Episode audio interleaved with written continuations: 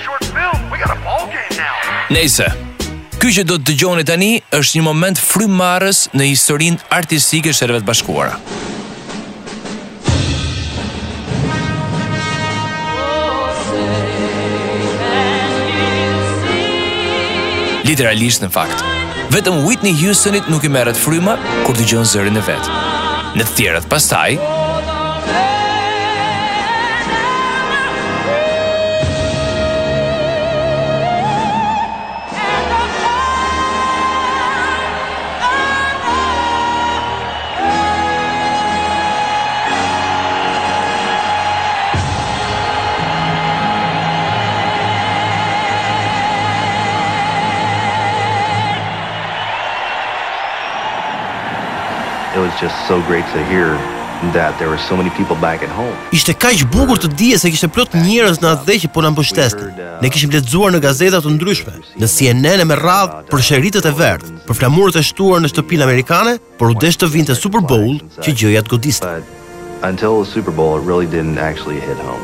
I keep pride inside when I think about the day that I saw Whitney Houston. Ndjej krenari së brendshmi kur kujtoj ditën që Whitney Houston këndoi himnin kombëtar, ndërsa djali ynë ishte aq larg prej nesh. Krenare që ai ishte pjesë e kauzës për të cilën ajo po këndonte, për lirinë e kombit tonë dhe të çdo populli që kishte nevojë për ndihmën tonë.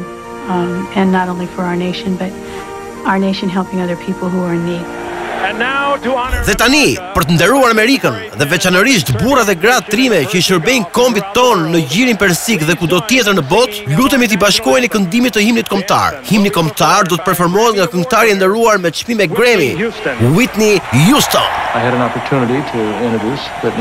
Unë pata privilegjin të prezantoja Whitney Houston dhe ishte absolutisht momenti më elektrizues që unë kam parë në historinë e sportit. Music from the 90s Një speciale nga Stenal Bëhili Ky program nuk do të ketë në qendër të tij sportin dhe Super Bowlin në vetvete, por do të fokusohet te pushimi mes dy pjesëve. Kryesisht, dhe këtë që do them e dinë gjithë fansat e futbollit që na dëgjojnë, për tifozët s'ka asgjë të bukur në ato 15 minuta pushim pas fundit të pjesës së parë. Hiq ndoshta mundësinë e shkëlqyer për të shkuar në tualet. E po, në Super Bowl, ky pushimi nuk është 15, por 30 minuta. Jo se amerikanët lodhen më shumë, por sepse në këtë pushim ndodh diçka e jashtëzakonshme. Ndodh një show i vërtetë i ashtuquajturi The Halftime Show.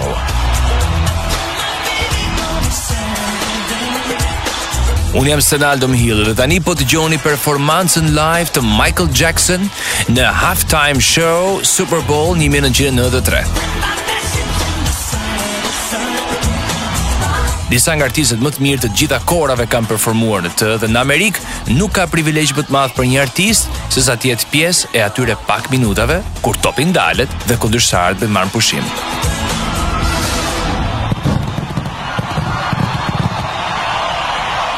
Këtë herë, artistët që do të performojnë në Super Bowl janë të kategorisë heavyweight. Hip hop dhe R&B do të jenë lloji i muzikës që do të luhet për 30 minuta në SoFi Stadium, Inglewood, Cali. Pra, një ndër skenat më madhështore të botës do të pushtohet më 13 shkurt nga Dr. Dre, Snoop Dogg, Eminem, Mary J. Blige dhe Kendrick Lamar. Një speciale nga Senaldo Mihili. Emrat e pesë artistëve që do të jenë të pranishëm në këtë halftime show.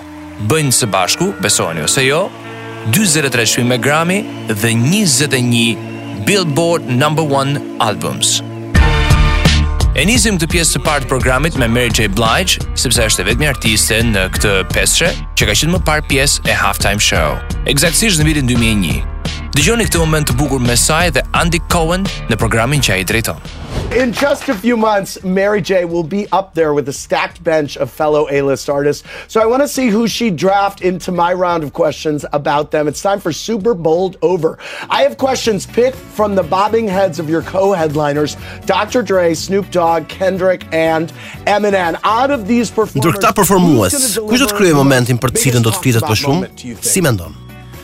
Man, um, Plako, si ta them, Të katërt shpresoj.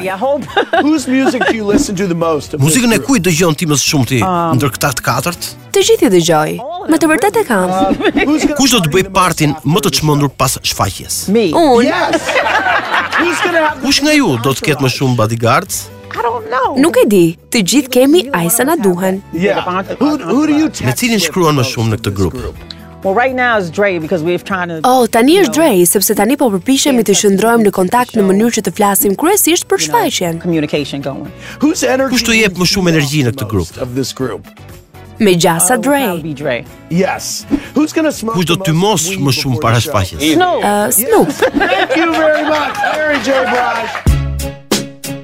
Mary J. Blige, ose The Queen of Hip Hop Soul, është pa diskutim një ndër artistët më të dashur në zhanrin e saj. 51 vjeçarja ka shkruar dhe kënduar si hip hop dhe R&B, dhe në karrierën e saj të gjatë muzikore ka punuar me shtëpi të ndryshme diskografike si Capitol, Republic dhe Atlantic Records. Ndër vite Mary J. Blige ka shkruar plot 13 albume dhe secili prej tyre ka qenë pjesë e Top 10 në Billboard 200. Ajo ka fituar 9 Grammy Awards, 4 American Music Awards dhe 12 Billboard Music Awards. Jo vetëm kaq, por Blige është nominuar 3 herë për Golden Globe dhe 2 herë për Academy Awards. Në fakt ajo është e vetmja artiste që nominohet si për një interpretim të shkëlqyer në filmin Mudbound, ashtu edhe për këngën origjinale Mighty River në të njëjtin film. Dy albumet e saj të para, What's the 411 dhe My Life, janë konsideruar nga Rolling Stone si pjesë e 500 albumeve më të mira të të gjitha kohërave.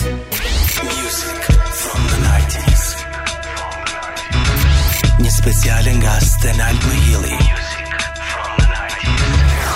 Koha të flasim për yllin e dytë që do të performojë në halftime show Super Bowl, e thënë më shkurt për Andre Romel Young, ose akoma më shkurt, për Dr. Dre.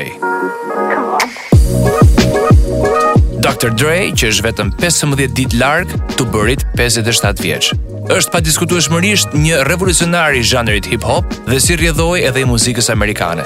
I zoti në muzikë, në biznes, e ku jo, Dre është themeluesi dhe CEO i Aftermath Entertainment, i Beats Electronics, madje edhe i Death Row Records. Ama një artist i mirë nuk mund të konsiderohet i tillë nëse nuk ka një kontribut në artin e të gjithëve. Dhe Dr. Dre edhe në këtë pikë është themelues. Për shembull, ai konsiderohet si themeluesi i rrymës G-Funk, që është në vetvete një nënzhanër i muzikës hip hop. Ai u bë i famshëm në vitin 1985, ndërsa iu bashkua grupit NWA. rapi i të cilëve detajonte dhunën e jetës së rrugës. I was living with my mom and you know at that time her idea of what my future was going to be didn't agree with my idea so Në atë kohë um, jetoja me time ëmë dhe ideja e saj për çfarë doja unë të bëja në jetë nuk përshtatej tamam me timen. Prandaj, një ditë vendosa të shkoj e të kaloj ca kohë nga tezja ime, e cila jetonte vetëm dy shtëpi më poshtë se Ice Cube, dhe kështu u njohëm. Pastaj filluam të regjistronim kaseta dhe gjëra të ndryshme në garazhe me radhë. Ajo që bënim ishte marrja e këngëve shumë popullore dhe Cube ndryshonte lirikën. i bënte më të rrugës. The craziest part about this revolution that we started is this album Straight Outta Compton was only done in 6 weeks. Pjesa më e çmendur e këtij revolucioni që ne filluam ishte që ky album u kompletua vetëm në gjashtë javë. Secila javë me nga pesë ditë në studio. Më kupton? Nga tre orë në ditë. Ishte epike ajo që po ndodhte.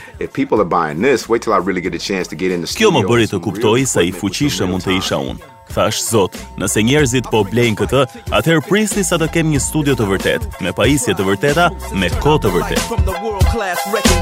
Në 1993-shin, ai fitoi dhe çmimin e parë Grammy për hitin Let Me Ride si Best Rap Solo Performance. Por nuk ishin vetëm këngët e Dr. Dre që do ta dallonin atë si artist. artist. Në këtë pikë duhet medoemos folur për intuitën e tij artistike. Duhet patur parasysh miq që të gjithë artistët që këtë vit do të performojnë në Half Time Show Super Bowl, në një moment të caktuar të karrierës tyre, kanë kaluar nga vetë Dr. Dre. Për ta përkufizuar Dr. Dre në numra, mjafton të themi se ka fituar 6 Grammy Awards dhe se The Rolling Stone e kategorizon atë si numrin 56 në 100 artistët më të mirë të të gjitha kohërave. Një survey i vitit 2008 e cilëson Dr. Dre si reperin e dytë më të pasur, me më shumë se 800 milion dollarë. Pak farë. Top Albania Radio prezanton Music from the 90s Një speciale nga Stenald Mihili Music Tani sa prej jush e njohin këngën I'm Not Afraid të Eminem. Kjo s'është e vitive 90, por është gjithsesi një ndër këngët e tij më të mira. 49 vjeçari është një ndër artistët më të mëdhenj të zhanrit të tij. Dhe jo vetëm, i thirrur M&M, Double M, Slim Shady, artisti më në fund gjeti karar me emrin Eminem dhe u bë frymëzim për kushedi sa e sa artistë të rinj. A po, emri i tij i vërtet është Marshall Bruce Mathers. Ama kujdes. Ky djalosh këndon Express.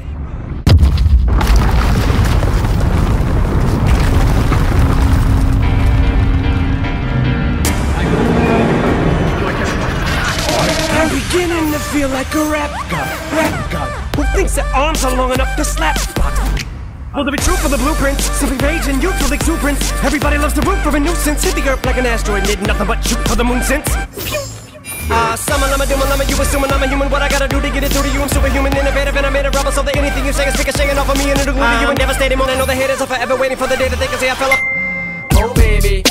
Eminem është një ndër artistët më të shitur të gjitha kohërave. Deri tani ai ka shitur më shumë se 220 milionë regjistrime. Eminem është konsideruar si artisti që e popullarizoi hip hop në të ashtuquajturën Middle America.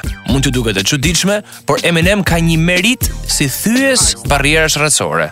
Ai ka hapur rrugën për shumë reperë të bardhë sepse repi i përket zezakëve. dhe ndonëse asnjë diskriminim racor nuk është i drejtë, mbase, vetëm mbase, është pakëz e drejtë që të bardhët sikur vetëm njëherë të ndihen të diskriminuar. This is America, my dear ones. Albumi debutues i Eminem quhet Infinite dhe qe një sukses. Por suksesi i tij i vërtetë do të vinte pasi të firmoste për Aftermath Entertainment të Dr. Dre. Ne u thamë se Dr. Dre është i lidhur ngushtë me suksesin e shumicës së artistëve që performojnë në halftime show-n e këtij Super Bowl apo jo. Ja. Rolling Stone e ka përfshirë Eminem në listën e 100 artistëve më të a, mirë të gjitha kohërave, por edhe në listën e 100 tekstshkruesve më të mirë të gjitha kohërave. Tani, mbani frymën. Eminem ka fituar plot 15 Grammy Awards, 8 American Music Awards, 17 Billboard Music Awards,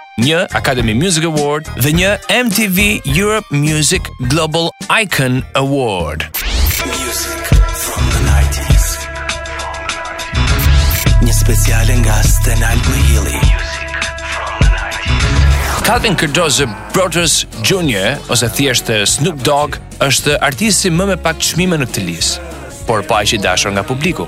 Sigurisht që është edhe artisti me lidhjet më të forta dhe më të hershme me Dr. Dre.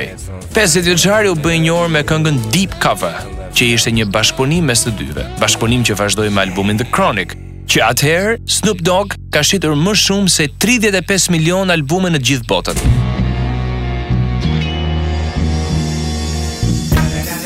never thought that this moment would be happening right now. S'më merrte mendja kurrë që do të vinte një ditë ky moment. Fakti që NFL, që Pepsi po lejojnë hip hop të jetë pjesë e shfaqjes gjatë lojës, Jam kaq i nderuar dhe i frymëzuar të komentoj dhe që kam rastin të bëj këtë shfaqje. Kushdo në mbarë botën do të mund të shohë pse Dr. Dre është më i miri në atë që bën dhe se si ai ka krijuar një skuadër të fortë me njerëz si ne për ta mbështetur atë. Jo vetëm që do të bëjmë show në SoFi Stadium, por me miqtë e mi, me Snoop Eminem, me të bukurën Mary J. Blige, me Kendrick, me të gjithë ata që do të ngjiten në skenë. Unë kam prodhuar këngë për ta dhe të gjithë do të bëjmë një gjë, do të thyejmë barriera. Miq të programit, ne kemi ardhur pak nga pak te artisti ynë i fundit, te i fundit që do të performojë në halftime show Super Bowl për këtë vit. Kendrick Lamar nuk ka pas 13 vjeç në fund viteve 90, Kështu që është i vogli i grupit në këtë rast. Por mos u nxitoni, sepse një artist i tillë nuk mund kurrsesi të nënvlerësohet. Është një ndër reperët më të rëndësishëm të brezit të tij, aq sa Time e konsideroi si një ndër 100 njerëzit më influencues të vitit 2016. Karriera e tij fillon në mes të viteve 2000, por albumi i tij kryesor dhe i parë, Good Kid, M A A D City, erdhi në vitin 2012. Albumin e radhës, të quajtur To Pimp a Butterfly, e publikoi në vitin 2015. Ishte hera e parë për të që do të kryesonte Billboard 200. Albumi i tij i katërt, Damn, u bë i parë në histori me një Pulitzer Prize. Deri më atëherë, të gjithë albumet që kishin fituar një çmim të tillë ishin ose klasik ose jazz. Ah, me gjëmat e çmimet. Kendrick Lamar ka fituar 13 Grammy Awards, 2 American Music Awards, 6 Billboard Music Awards, 1 Brit Award, 11 MTV Music Video Awards, 1 Pulitzer Prize, siç e thashë më lart, dhe 1 Academy Award. Ne jemi në fund. Për dy orë ju kemi folur mbi halftime show Super Bowl, por ju kemi folur mbi të gjitha, mbi historitë dhe sukseset muzikore të pesë yjeve që më 13 shkurt do të ngrenë në këmbë gjithë botën. Unë jam Senaldo Mihili, falemderit që qëndruat me ne dhe natën e mirë gjithëve.